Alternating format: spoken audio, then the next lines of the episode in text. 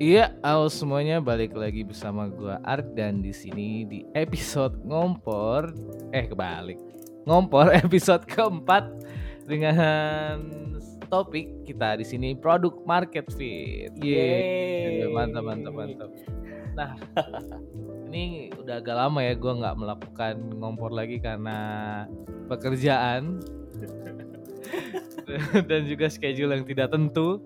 Jadi hopefully gue akan memulai untuk lebih konsisten di episode-episode selanjutnya. Nah, di sini sebenarnya gue cuma ada satu orang doang nih, eh, yaitu tuh balik lagi di sini ada Jundi. Halo guys, ketemu Halo. lagi.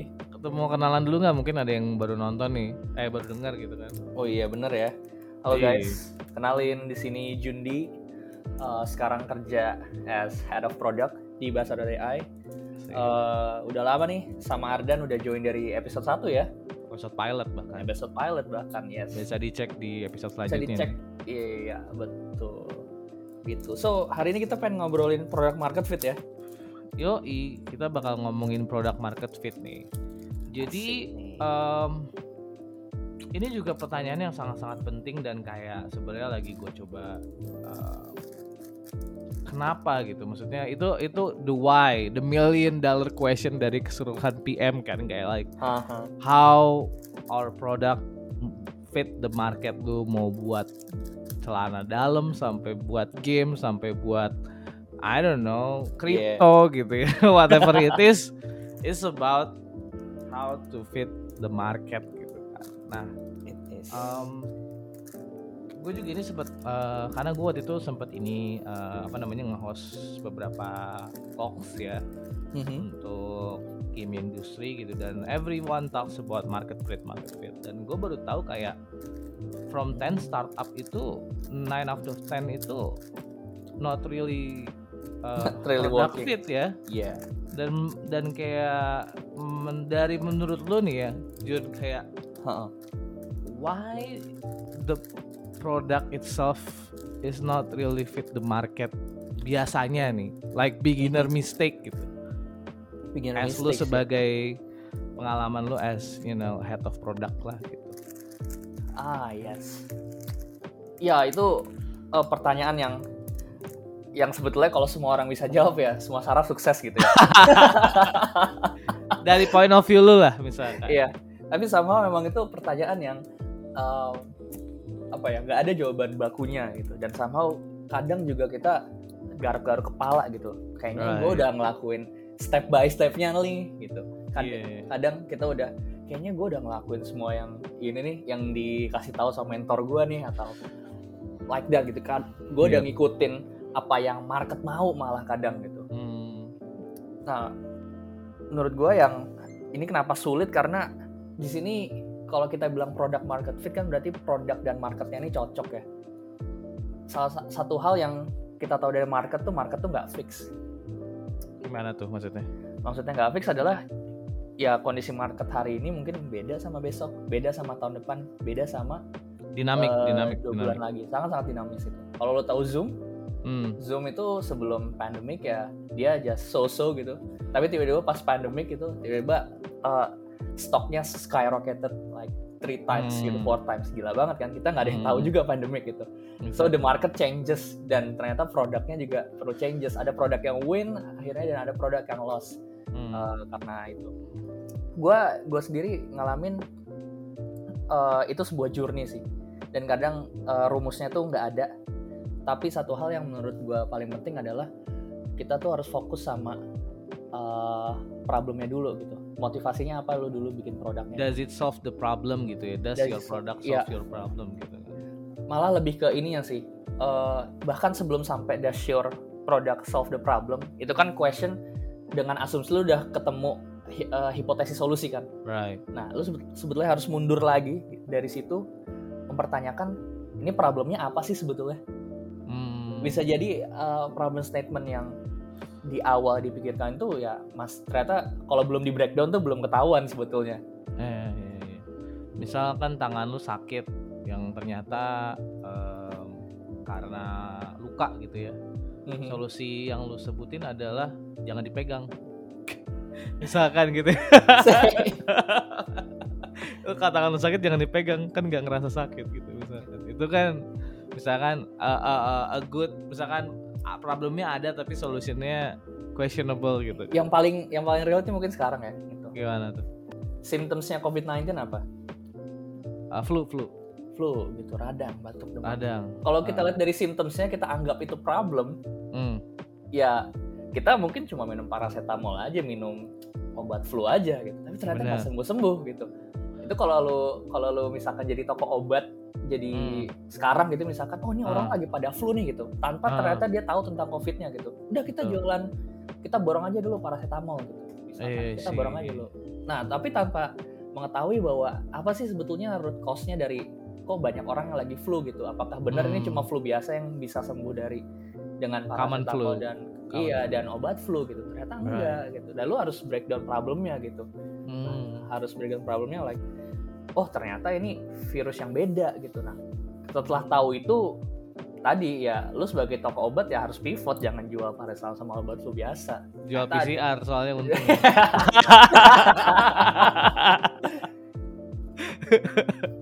No comment.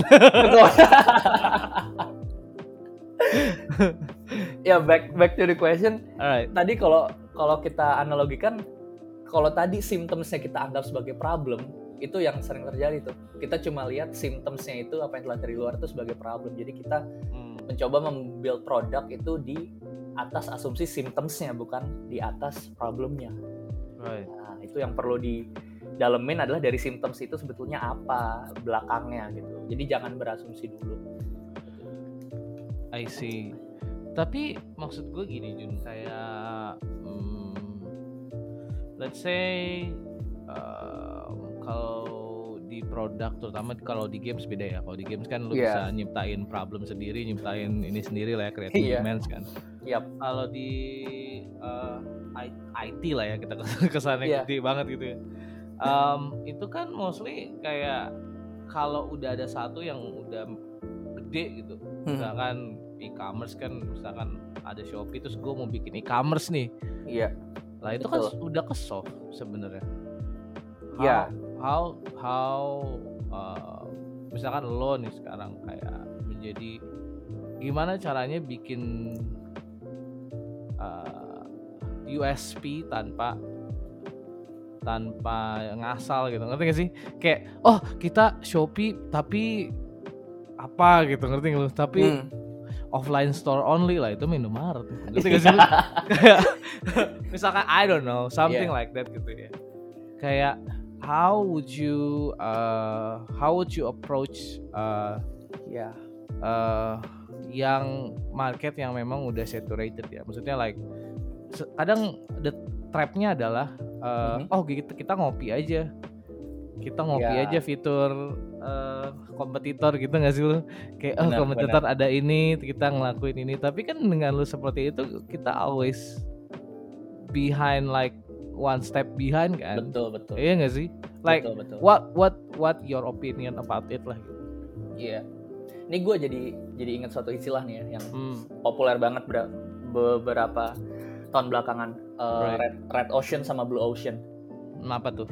Jadi paham. eh, yang tadi kalau gue simpulin dari eh, dari example lo adalah right ini nih udah ada exis- existing competition, Existing udah solution. ada exi- existing solution dari company Right. lain, udah ada existing marketnya juga gitu. Udah tahu Hmm. oh orang-orang kan pada beli di Shopee, Tokopedia gitu. right Eh, Red Ocean sama Blue Ocean ini sebetulnya kalau Red Ocean itu adalah industri yang kita udah tahu sekarang, kayak known.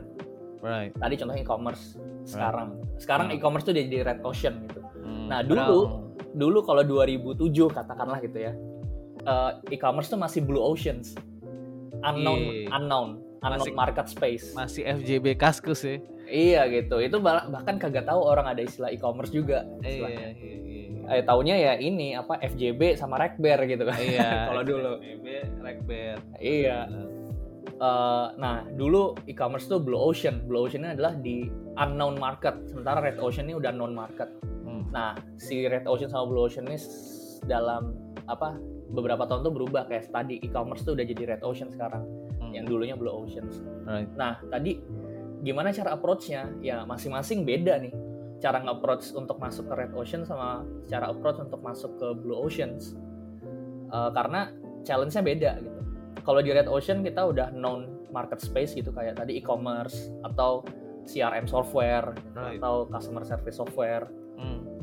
kita bisa dibilang pas masuk tuh udah ada giants-nya kan iya kan jadi uh, it's all about competition di situ lo harus addressnya jadi what competi what competitors doing and what uh, we're doing gitu right. apa yang dan kita harus tahu juga what problems that competitors solve uh, what problem we are going to solve what market that competi competitors have what market that we are going to own gitu. Hmm. Hmm. jadi uh, apa ya menurut gue itu uh, approachnya lo harus harus benar-benar uh, apa ya harus benar-benar tahu uh, siapa yang disasar siapa yang uh, apa problem yang disasar untuk mereka terus apa strateginya untuk untuk nge-address that customer and that problem gitu sementara kalau blue oceans ini bahkan unknown space gitu kita belum tahu. Kayak kripto misalkan. Kripto gitu iya. Kripto NFT gitu itu NFT yeah. blue ocean banget gitu. Kita yeah. bahkan belum tahu ada demandnya aja gitu istilahnya. Hmm. even baru aja kemarin gitu ada NFT Spek yang speculation aja kan. Iya masih speculation aja masih masih kalau apa istilahnya masih tren doang gitu. Yeah, belum yeah, belum. based on trend. Based on trend doang gitu. For now, for now. Mungkin nanti beda bisa jadi jadi red ocean nanti kripto nggak tahu juga Nah, okay. itu itu beda banget Blue Ocean. Blue Ocean sih lebih ke uh, ini kayak dibilang create new demand sebetulnya. Hmm. Karena di sini yang di Blue Ocean. Iya, yang di Blue Ocean. Ini uncontested soalnya. Hmm. Dalam artian lu bahkan mungkin belum ada player sama sekali di di bidang itu. Kayak dulu mungkin Tokopedia atau, pertama kali bikin 2011 lah gitu ya. Maksudnya gitu. belum yeah. belum unknown. Very very unknown gitu. Tapi susah banget untuk bisa uh, memvalidasi bahwa is this really what customer yeah. wants gitu karena yeah. itu belum ada kompetitornya dan kayak jatuhnya jadi pionir problem gak sih maksudnya pionir, pionir problem. problem gak sih kayak yeah. ngerasa you're trying to solve thing yang I don't think it's work gitu kan yes yes ini yang menurut gue lebih susah dibanding uh, Red Ocean sih kayak uh, right. kalau dari sisi problem ya kalau hmm. Red Ocean tadi sebetulnya kita bisa dibilang udah tahu problemnya karena udah ada banyak softwarenya dan kita bisa lihat juga kalau problemnya seperti apa dari software-software tadi yang digunakan. Hmm. Cuma kalau Blue Ocean kita bahkan mungkin masih asumsi problemnya tadi. Hmm. Masih masih kita baru mungkin baru ketemu beberapa symptoms, baru ketemu beberapa problem tapi root cause-nya ternyata belum belum terlihat di situ. Itu yang Blue Ocean tadi. Prosesnya pasti beda. I see terus kayak um, terkait sama ini sih kalau misalkan gue kalau ya kalau kita ngomongin formalitas gitu ya kan ada mm-hmm. apa unique selling point yeah. terus you know lean lean business startup lean bisnis lean bisnis startup yang canvas gitu ya bisnis canvas mm-hmm. ya you know yeah. tapi I think yang agak miss itu yang gue sempat uh, mm-hmm. hipotesa gue ya maybe people actually buy emotion loh Wah itu gua. itu sih itu udah fact sih sebetulnya. Ya. Maksud ya. gua maksud gua nggak things yang kadang orang terlalu fokus ke what makes them unique. Kebayang nggak? Iya. Kayak wah oh, kita harus jadi unik banget tapi your your product is boring gitu. Your product is lame dan nggak ada emotionnya gitu. Ngerti gak sih? Maksudnya kayak mm -hmm um, emosi dalam artian sini kayak um, misalkan what's emotion that you want to create from that product tuh masih belum kejawab tapi yang difokusin technical ya. Yes yes yes. Gua gua bisa relate. Ya. kebayang nggak maksudnya? Kebayang. Jadinya feature driven not purpose driven karena kan purpose outcome-nya adalah emotion kan? Setuju what do you think about it Jun? gua gue setuju kalau uh, kita bilang bahwa emotion itu tadi sangat driving uh, apa ya sangat driving orang untuk di sini purchase your product gitu ya, right. kasus ini ya right. karena um, menurut gue memang kita harus mulai dari situ hmm. dari lebih gede dari uh, lebih gede bahasannya gitu lebih generic lagi uh, hmm. tadi emotion tapi yang lebih generic itu sebenarnya story gitu lo mau build story apa di di atas produk lo contohnya lo contohnya gimana nih? Mungkin ada orang-orang yang belum terlalu paham nih atau baru mau jadi PM terus kayak ah apa tuh user story itu apa sih? Gitu. Nah actually gue gue uh, gue rivernya storynya lebih story behind the product nih. Nah, jadi coba, coba. Uh, misalkan ada produk apa ya ada sabun mandi sabun mandi sabun buat cowok. mandi buat sabun cowok. mandi buat cowok gitu. Hmm. Kalau secara teknikal katakanlah ya ada hmm. ada orang kemis sama orang uh, yang bisa nge, nge mix sabunnya gitu. Oh ini bagus nih harus ada bahan ini ada bahan ini ada bahan ini gitu. Ini hmm. bagus biar lebih harum lebih apa. Nah terus lo advertise tuh kalau ada bahan-bahan ini segala macam. Nah itu approachnya kebalik. Lo nggak bisa advertise kayak gitu. Lo harus advertise-nya itu dari story dan emotions apa story dan emotions yang misalkan contohnya hmm. dari produk sabun mandi cowok tadi gitu. Lo nggak advertise-nya bahwa uh, cewek makin suka sama lo cewek makin suka sama lo atau lo lo pasti punya problem bau badan kan? Oh, dan lo nggak mau iya. kan kalau teman yeah, lo yeah. ngejauhin lo atau cewek-cewek lo ngejauhin lo gitu. Yeah, yeah, nah yeah uh, naikin uh, apa namanya percaya tingkat diri percaya lo diri lo. dengan sabun ini gitu. Asik. Terus gambarnya orang keker gitu ya? Iya.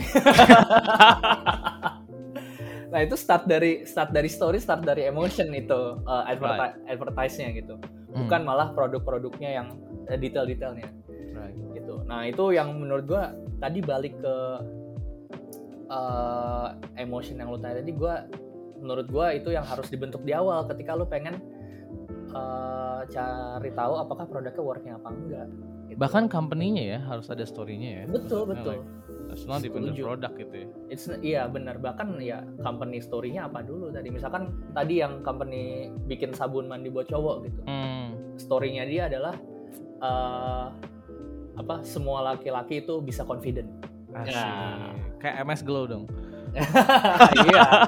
Kayak gitu. Itu itu menurut gua it's very good way to apa ya bagus gitu ada storynya gitu bahwa ini emang company pengen bikin semua cowok itu berhak untuk confident gitu asik nggak harus kan? yang kayak Reza Radian nih baru nggak harus iya gitu semua cowok bisa jadi confident dan berhak jadi confident nah um, I think it's good ya. Maksudnya um, dan dan gua rasa every PM itu seharusnya ya. Also also uh, the user of their product juga nggak sih? Kayak kayak dalam artian um, nah ini ini juga kontroversial ya. Ada yang kayak dibilang kayak ya lu nggak harus jadi make produk lu untuk menciptakan Aha. untuk menciptakan produk gitu ya misalkan kayak ya mungkin ada ya yang nggak suka duren tapi punya toko duren gitu kan. nah ini kan agak kontroversial ya I mean kontroversial di, di otak gue sih um, menurut lo sendiri nih yeah. kayak kenapa ada ada sampai pemikiran kayak gitu gitu ngerti gak sih kayak mm-hmm. you you must you you need to push kan kalau gue suka nonton nonton ya di YouTube gitu ya kayak you need to put yourself in user shoes gitu misalkan kayak gitu gitu yeah. ya nah yeah. menurut lo how important it is gitu dan juga kayak gue yakin juga di sini yang dengerin juga mungkin ada PM-PM yang sampai saat ini, dua anjir gue nggak paham nih gue gak pake gitu kan misalkan. Yes, benar. Gitu ya. Dari dari lu sendiri, dari dari pendapat lu dari head of product gitu. Uh, tadi statementnya adalah you need to put uh, yourself on your customer shoes, on your yeah. user shoes gitu. Hmm. Tapi uh, statementnya itu to put yourself on your user shoes, bukan you need to become your users. Right jadi ini agak beda nih hmm. menurut gua uh, definisinya. Hmm. Karena uh, you need to put yourself on your customer shoes means bahwa lu harus tahu secara bahkan uh, emotional motivation gitu. Tapi bukan berarti lu harus jadi customernya tersebut gitu. Maksudnya kalau lu jualan kayak produk produk kecantikan gitu lu cowok kan bukan berarti lu harus jadi cewek gitu. Hmm. Tapi lu harus tahu bahwa apa sih sebetulnya yang memotivasi uh, cewek-cewek itu untuk untuk beli produk beauty sama produk uh, skincare. Ah, iya. Kayak lu punya toko BH gitu ya? Ya misalkan. Lu cowok gitu. Hmm. Ya kan lu nggak pakai. Iya, lu kan nggak pakai gitu. Tapi iya. lu bisa tahu mungkin motivasinya apa dan kesulitannya apa pas pas pas beli produk lo gitu. dan itu beda sama uh, becoming the users itu itu Ah, cuma ada miskon ada misconception berarti ya iya di situ. menurut gua menurut gua seseorang bisa uh, put their self on their user shoes tanpa Hmm. becoming the user Hmm. Tuh. Gimana tuh caranya Jun menurut lu? Misalkan like oh gue nggak beneran nggak pakai gitu. As in gue nggak bisa relate nih sama usernya misalkan kayak gitu ya. Mhm. Yang bener-bener dia cuma baca report dan sebagainya gitu. menurut gua yang paling uh, yang paling efektif ya Right. itu adalah in touch dengan usernya langsung without any proxy Hmm. dalam artian gini kalau misalkan lu PM lu mungkin Hmm. kadang eh, tahu user ngomong apa tuh dari UX researcher Eh bener bener kan? banget. dari mungkin dari orang riset gitu yang mungkin itu chainnya udah jauh lah nyampe lu ke reportnya gitu dari Iya. user terus ada UX user researcher ngomong ada ke ngo- user ngomong ke Iya. UX, UX buat laporan, laporan ke lu gitu kan. ya even nggak langsung ke lu gitu ke manajernya dulu manajernya direvisi dulu. dulu, ada Iya. perubahan segala macam nah itu yang Iya, eh, bisa jadi ada informasi atau bias yang dimasukin sama UX researchernya juga Dan manajernya juga apalagi. ya. iya iya gitu Ah, Eh, jadi menurut gua eh, se se apa ya sekompleks apa pun gitu Hmm. maksudnya like se effort apa pun menurut gua lu harus in touch with the user gitu dalam artian directly in touch hmm. Eh, dan lu ngobrol sama mereka sebetulnya apa sih ininya Eh, problem lo apa sih sebetulnya eh, your motivation gitu Hmm. lo ada ada kenapa lo attach sama produk kita ada emotional attachment gitu menurut lo kenapa itu terjadi dan segala macamnya dan itu Hmm. salah satu cara yang paling efektif untuk bisa tahu uh, secara akurat bahwa oh ternyata ini uh, problemnya ternyata ini motivasinya si user dan itu balik Hmm. lagi tadi ke istilah yang uh, tadi that's what really makes you put yourself on your user shoes sih.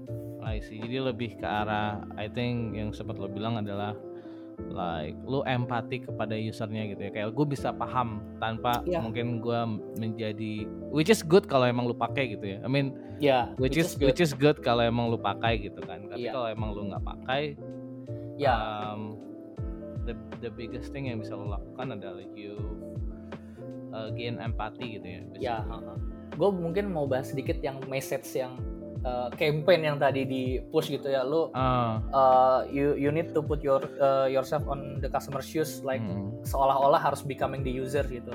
Menurut iya. gue campaign itu message-nya bagus yang disampaikan karena di situ lu nge-push the ideals. Hmm, Lu nge-push the ideals karena faktanya banyak yang even bahkan nggak pernah ngobrol gitu sama customernya atau bahkan nggak tahu sebenarnya problemnya apa, nggak tahu sistemnya bekerja seperti apa kan. mm, Jadi gue rasa uh, message uh, pesan yang disampaikan di put yourself on your customer shoes itu emang harus diulang terus kayak aset rusak gitu. right. Tapi yang perlu dimengerti adalah uh, bahwa kita sebetulnya nggak harus menjadi usernya, nggak harus becoming the user. I see. I see. Terus sebenarnya gue mau bahas ini Jun, membahas tentang engagement. Ah, Membahas asik tentang engagement. Kayak sebenarnya kan, let's say kita sudah mendapatkan purpose dan juga uh, oh produk kita udah rilis gitu ya. Misalnya produk kita Aha. rilis, diterima gitu ya. Iya. Tapi orang cuma sekali datang gitu, Jun. Kebayang gak sih? Iya, iya. Kayak Benar. download ngelakuin apa uninstall gitu kebayang kan Iya. maksudnya kayak gitu nah um, tapi mereka tapi the problem is mereka tuh udah ngelakuin things yang mereka cari di apps itu kebayang gak sih maksudnya Ya, it's ya. different kayak lu lu make terus tahu. lu nggak nemu gitu kan Iya. nah um, when you talk about engagement gitu kan kayak um, what went wrong with it gitu. Misalkan like in your opinion ya this is a billion dollar question lah. Maksudnya Iya. kalau semua orang tahu kagak ada yang gagal gitu kan like what's what's your opinion about it gitu? About the the the general engagement of the kita nggak usah ngomongin retention dulu ya. Kita ngomongin engagement dulu nih. As in like uh, cheap way kasih giveaway gitu. Things like that kan. That's that's menurut gue cheap sih cheap dalam artian it's not Hmm. really uh, sustainable Iya. as in kalau lu dikasih 5000 buat pakai apps ini nextnya lu akan minta sepuluh ribu. Iya. Iya dong.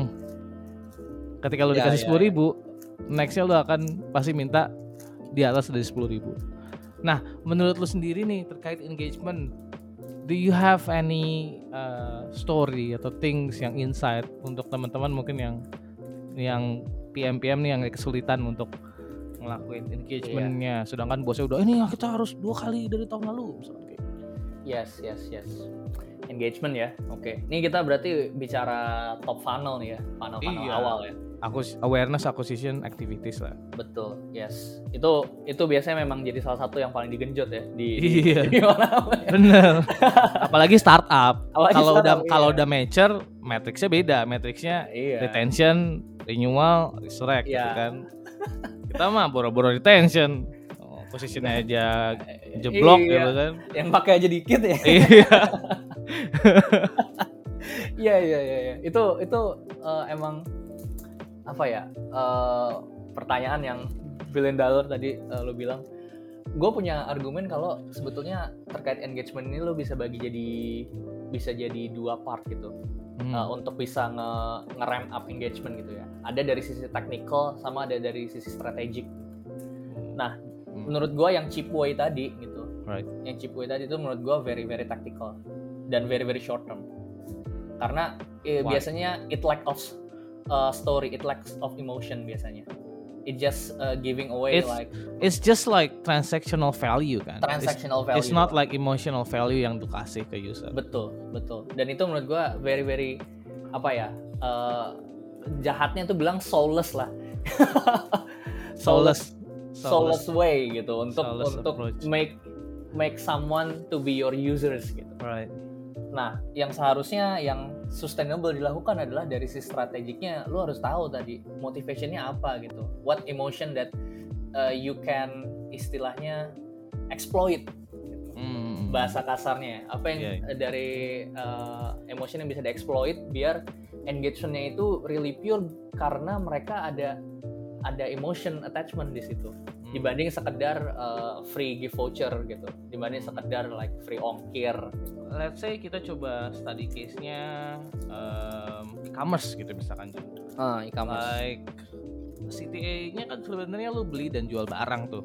Ah, Nah, dari lu tadi bilang emotion, what's emotion that that that entails di uh, buying and selling activities-nya gitu. iya Maksudnya dari lu sendiri gitu. Kalau study case gitu ya. iya iya iya buying and selling tuh uh, sebetulnya kan sebuah aktivitas ya Iya, still activity. ya. still an activity gitu. Kalau kita Hmm. lihat kasarnya itu cuma sekedar aktivitas doang. Dan uh, sebetulnya ketikanya uh, seseorang itu ketika melakukan uh, buy and sell activities itu, Right. itu motivasinya bukan karena mereka pengen beli atau mereka pengen selling. Tapi sebelumnya pasti mereka punya story kenapa akhirnya mereka berujung ke aktivitas beli dan jual. Contohnya, contohnya gimana? Contohnya misalkan yang jual ya, ini seller ya. Hmm, Kan e-commerce ada yang beli ada yang jual ya. Katakanlah yang jual, jual. gitu. banyak utang. misalkan ya lu ternyata banyak utang ya bener bisa gitu terlilit hutang gitu kena PHK gitu kan Oh iya, iya kena PHK. Iya, misalkan, iya. itu story yang kuat banget gitu bahwa lu punya kesempatan lo untuk bisa membangun uh, finansial lu lagi dari nol gitu setelah lu di PHK karena di sini Hmm. kita uh, kita ngasih biaya rendah untuk lo berjualan di sini dan kita Oh, iya, kasih iya, lo iya. akun gratis di situ I see. Jadi Nah, buat kamu yang kena PHK selama corona, kita ada program khusus, misalkan kayak gitu ya. I don't know, Say- something like say that like gitu ya. that, ya Oh iya. iya. saya like that dan dan apa namanya programnya itu uh, secara taktikal itu beneran uh, secara teknis itu nge-address problem-problem dari orang di PHK tadi atau yang baik utang gitu Hmm, misalkan hmm, sebelum uh, transak sebelum 1000 transaksi per bulan lu nggak bakal kena charge gitu hmm. katakanlah itu Kita, membuat kita peduli sama kalian nih. iya kita tahu kayak- kondisinya nih jadi kita nggak pengen ngecharge Oh. lu di awal gitu Iya iya iya. Jadi kayak emosinya mungkin hope gitu ya. I mean like hope gitu untuk bahwa lu gitu ya. lu walaupun nggak kerja di kantor lagi lu masih punya kesempatan untuk bisa Hmm. jadi sukses istilahnya contohnya tuh I see, I see. Oh menarik menarik. Kalau buy, kalau buy gimana? kalau buy misalkan nah tadi aktivitas beli itu biasanya orang termotivasi kayak apa? Tuh. Eh, dari apa? Contohnya bisa Eh. aja kayak BM BM. jangan lah.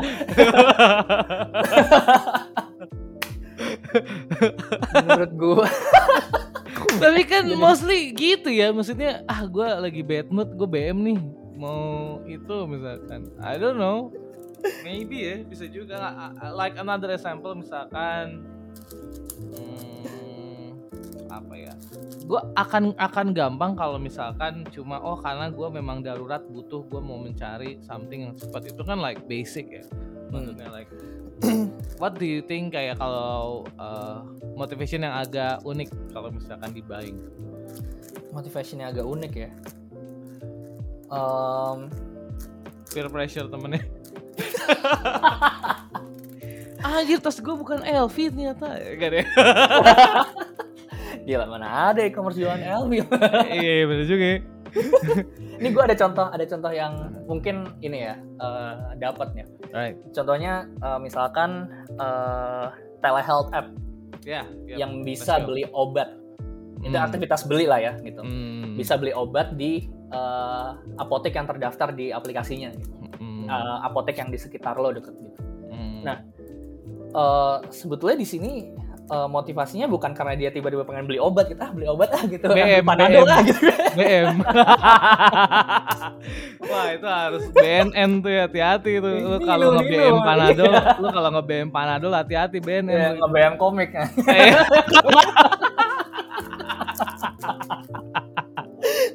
Ayo oke oke Nah ya, misalkan tadi eh, lo bisa beli di apotek terdekat gitu karena eh, diantarnya lebih cepat gitu. Nah Hmm. sebetulnya eh, di sini lo bisa nyampein story-nya adalah emotionnya adalah eh, jangan khawatir kalau ada anggota keluarga yang tiba-tiba sakit. Dengan Kita siap eh, membantu. dengan app ini kamu bisa dapetin obatnya di bawah 30 menit Asik Misalkan kita jamin 30 menit sampai gitu ya gitu. Iya. I see Jangan sampai kesehatan keluarga dikorbankan. Nah, Waduh Ya bener bener bener gitu, Itu bos. itu kayak giving giving kayak trust gitu ya Iya. percayalah gitu. sama kami Bahwa- gitu ya bahwa I got you back bro gitu. I Iya. got your back gitu. Tenang sob gitu ya Tenang sob gitu. I see misalkan kayak oh jangan takut mahal karena kita udah kerjasama sama BPJS misalkan something like that gitu ya mungkin ini Yes yes. Benar. trust yang kita kita temen lu loh kita Iya. kita we are your Iya. uh, someone that you can trust gitu ya Jangan khawatir bisa di reimburse juga loh dengan BPJS kamu. Kayak, wah, iya iya iya iya dapat iya. banget kan di situ. iya iya iya iya. Nah itu yang harusnya balik lagi ke pertanyaan awal gitu. Hmm, Itu yang harusnya dilakukan oleh brand gitu. Hmm, Karena itu itu very very emotional attachmentnya tuh ini banget gitu. Dan uh, istilahnya brand lo tuh jadi terlihat sebagai this brand got my back when I get some difficulties gitu. Gue bisa percaya dia gitu. I see. Dan kayak jadinya em, itu bakal convert user lu menjadi super fans kan Super fans dan bisa naikin banget. kalau matrix ya mungkin I don't know NPS mungkin ya something like that yang lo bisa Iya. NPS, lifetime lah ya. value, anything lah ya. value, anything lah Hmm. dengan semua tapi intinya tadi sih intinya kalau adu lu udah punya loyal fans Mhm. I think um, tiga activity yang di awal kayaknya udah works out sih. Wah, udah. maksudnya kayak Udah awareness Merem aja udahlah itu. awareness acquisition dan activities tinggal naik ke renewal retention Renewal retention ya sama gimana dia bisa uh, merekomendasikan ke teman dia yang lain untuk pakai. Iya, Nah, iya, itu iya. baru gitu. nah tapi biasanya tuh ada yang suka loncat Jun Nah, ini nih. yang Iya. suka loncat gitu lu ngerasa oh eh acquisition awareness activity organik aja gitu. Yang penting retention. Gimana tuh Jun menurut lu? Kalau kalau misalkan suatu company itu seperti itu gitu kayak kagak jalan sendiri gitu. Misalkan eh, renewal retention inisiatifnya jalan sendiri padahal si acquisition activity sama awarenessnya kagak belum efek belum bukan gue bilang efektif ya belum stabil gitu. Iya. Nah, nih gue punya opini yang menurut gue uh, gue nggak tahu sih sebetulnya orang-orang pada mikir apa PMPM di luar sana Hmm. tapi opini gue menurut gue eh tadi kalau kita berbicara funnel ya dari atas ya Right. ada awareness eh, activation terus akhirnya dia pakai ada retention Hmm. ketika lo awal bikin produk semuanya itu harus ada MVP-nya jadi lo nggak bisa ninggalin retention dia dari awal lo nggak bisa ninggalin awareness dari awal lo nggak bisa ninggalin activation dari awal gitu semuanya harus ada eh, harus harus ada strateginya gitu walaupun sesimpel dulu gitu karena baru mulai gitu. Hmm. karena eh, itu bakalan jadi dasar bahwa sebetulnya eh, di tahap ini tuh yang paling oke cara kita treat customer itu seperti apa Hmm. bagaimana cara nge-retentionnya gitu kalau dari awal nggak lu build up Hmm. eh, di salah satu titik tadi dari top funnel sampai bottom funnel fokus aja ke apa awareness activity sama Iya. acquisition renewalnya dihancurin eh nggak dihancurin misalnya kagak di kagak dipasang gitu ya ya Kagak- hilang customer lu hilang habis pakai Iya, gitu iya. lu nggak kayak mereka tidak merasa apalagi mereka tahu kalau mereka itu early customer ya Hmm. yang biasanya secara psikologi eh, apa berasumsi bahwa gua ini early adopter loh berarti gue perlu Superior. treatment Ah, treatment gitu perlu dapat Treatment yang treatment iya treatment yang lebih gitu Hmm. apalagi mereka udah aware terhadap hal itu nah itu bakal jadi bad juga malah Eh, jadi backlash ya malah ah jadi fuck lah, backlash. ngapain gua yes. udah lama di sini nggak diperhatiin gitu ya Iya. Nah, menurut gua tadi bahwa ketika launching produk di semua funnel tadi, di semua step Hmm. funnel tadi itu semuanya harus ada MVP-nya masing-masing. Katakanlah mungkin retention eh itu lo belum ada program kayak loyalty point lah yang bisa diridik Iya. segala macam gitu kan tuh kayak udah Kompleks kompleks tuh. banget ya gitu. Ah. Tapi mungkin retentionnya sesimpel bahwa eh, lo ngadain kopdar gitu, gathering sama eh, early customer lo terus eh, misalkan ya lo kasih kasih parcel lah Ah. Atau apa kayak something yang marketing yang campaign lah marketing say. campaign misalkan gitu. Itu as simple as tuh eh, bisa dilakukan gitu. MVP-nya bisa kayak gitu. Hmm. Nanti ketika udah gede, lo ada sistem loyalty points gitu, ada sistem rewards yang lebih eh, scale lagi. mission gitu ya yang Hmm, sekarang kan ada lagi mission, zaman-zaman nih. iya, gamification segala macam mission. Right. gitu. Wah. Mantap Jadi, lah. eh, balik lagi, menurut gua di setiap step tadi harus ada MVP-nya masing-masing. How to treat your customer at this point tuh harus ada. Sesimpel apa pun. Karena itu awal dari discovery lo nantinya di tahap selanjutnya. I see. Ya make sense sih. Maksudnya kan kadang kayak em, terlalu fokus ke. Jadi memang dua-duanya harus jalan bareng ya. Maksudnya kayak like harus growth-nya harus bareng gitu kan. Iya, iya. gue sebetulnya punya eh, apa ya? eh, ini sebetulnya hal ini tuh bahasanya bisa berbeda kalau kita ngomongnya itu B2B sebetulnya. Nah, kita ngomongin B2C dulu biar nggak pusing. Iya, ini kita ngomongnya B2C dulu nih. Iya, Kalau B2B B2C agak beda dulu. soalnya. nih. Iya, iya. ya, at least gue yakin kayaknya yang mendengarkan ini pun lebih banyak B2C. Lebih baik ya. B2C sih bener, iya. Iya. Iya, bener banget. B2B tuh gila men, asli men. Kan gue actually sebetulnya B2B gue ya Iya. ininya. Nah, kan? dari lu sekarang yang B2B, tadi kan ada tuh B2C nih. Dari Iya. B2B bedanya apa Jun sama B2C Jun? Nah, bedanya sama B2C, B2C tuh em, di B2B itu di biasanya Hmm. itu semuanya itu manual. Dalam arti manual adalah lo nggak bisa bikin sistem di awal untuk engagement lo, lo nggak bisa bikin sistem lo untuk retention lo dan segala macam. Semuanya itu Hmm. harus talk.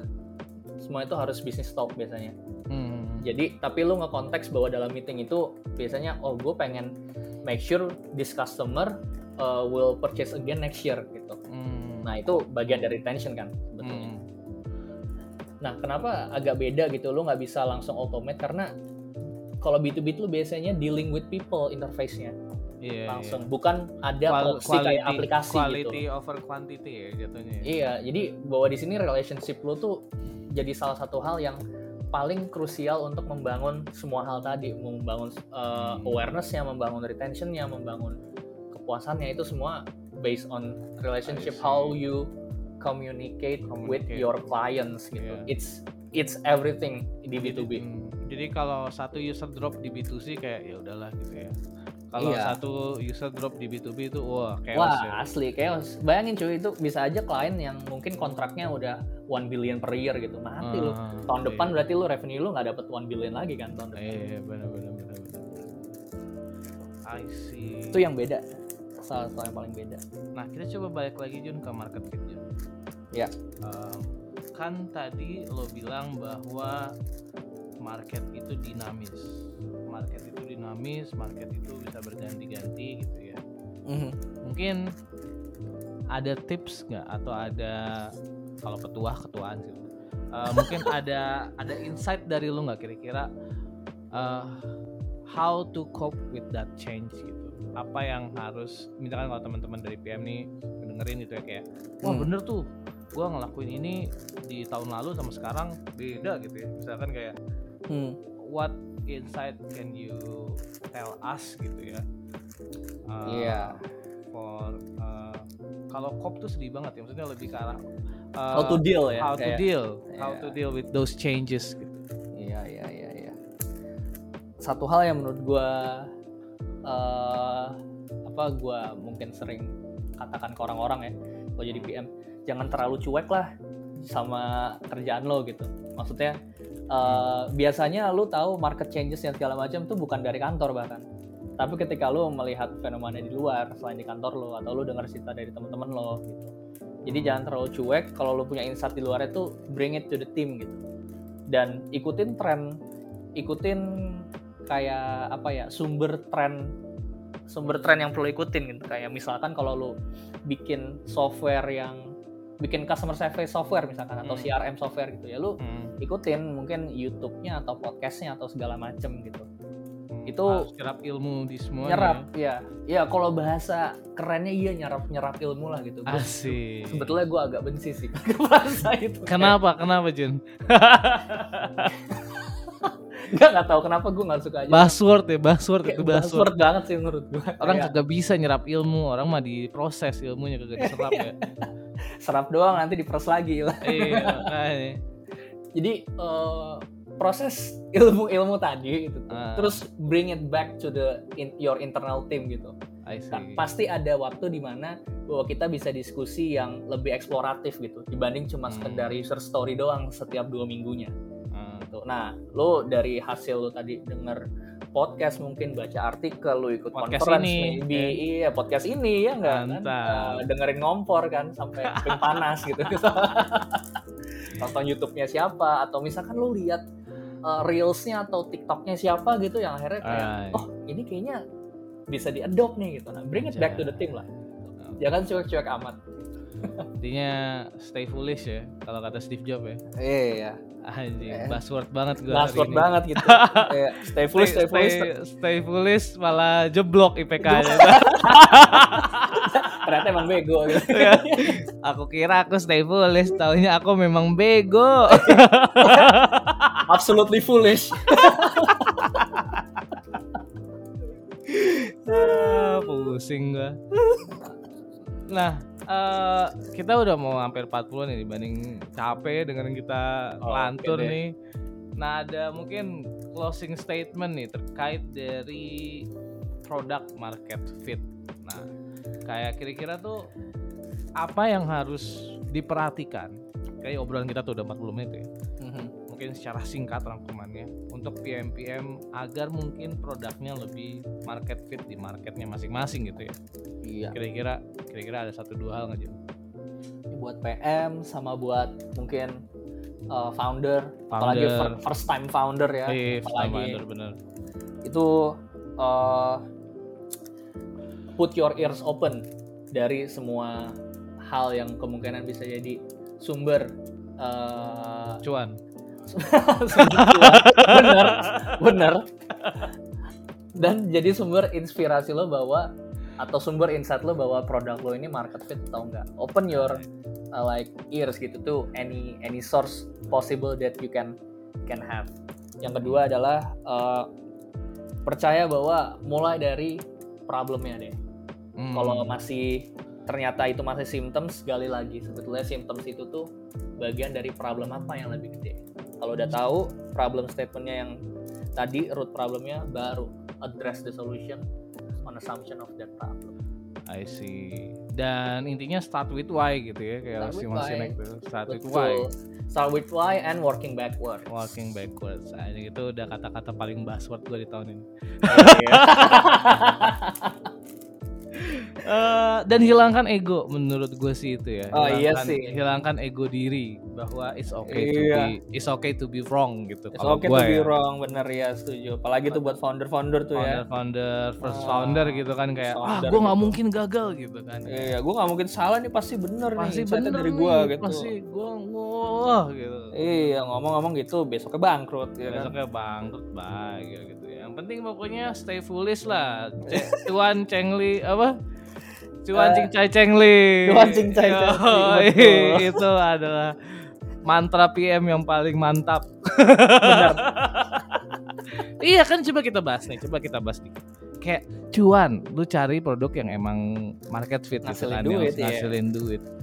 Cincai, lu fleksibel kan? Fleksibel dong, asli. lu fleksibel kayak lu lu bisa pivot sini pivot sana gitu kan bisa meliuk-liuk cengli gitu kan kayak kayak apa sih kolaborasi bukan sih cengli itu setahu gue eh bukan cengli Cengli. itu ini ntar gue ingat ingat Apa lo? Ayo. cengli itu artinya Ceng itu simple. simple keep it simple bener keep it simple nggak usah Oh, kompleks kompleks gitu Iya. itu buat simple. scoping Bener. basically kalau misalkan ada solusi yang lebih simple kenapa yang repot gitu kan? Nah tapi ini actually gue pakai itu tiga itu tuh beneran actually gue pakai nih ini no not a gimmick Setuju. Sama, gue juga pakai itulah. ya eh, Pasti. cuan cing cai cengli. Ah itu belajarlah sampai ke negeri Cina ya.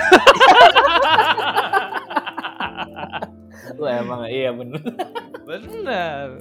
Oke mungkin segitu aja nih episode keempat. Episode ketiga sebenarnya kemarin gue udah eh Apa tuh? ada problem lah setahu gue ya jadi kayak Oh, iya? jadi ada satu dua empat jadi nggak apa-apa ya jadi yang ketiga tuh kalau ada problem dari pembicaranya jadi error atau something jadi teman-teman kita tiganya kita hilangin Oke. Jadi satu dua empat kebalik kan biasanya kalau kan ada satu dua tiga tiga a nah kita kebalik satu dua empat langsung Oke. Oke, sip paling segitu aja. Thank you banget teman-teman udah dengerin Thank you all. Kompor episode keempat. Gue Ardan dan Juni di sini undur diri dulu. Thank you semuanya. So, Thank you semuanya. Thank you. Bye-bye.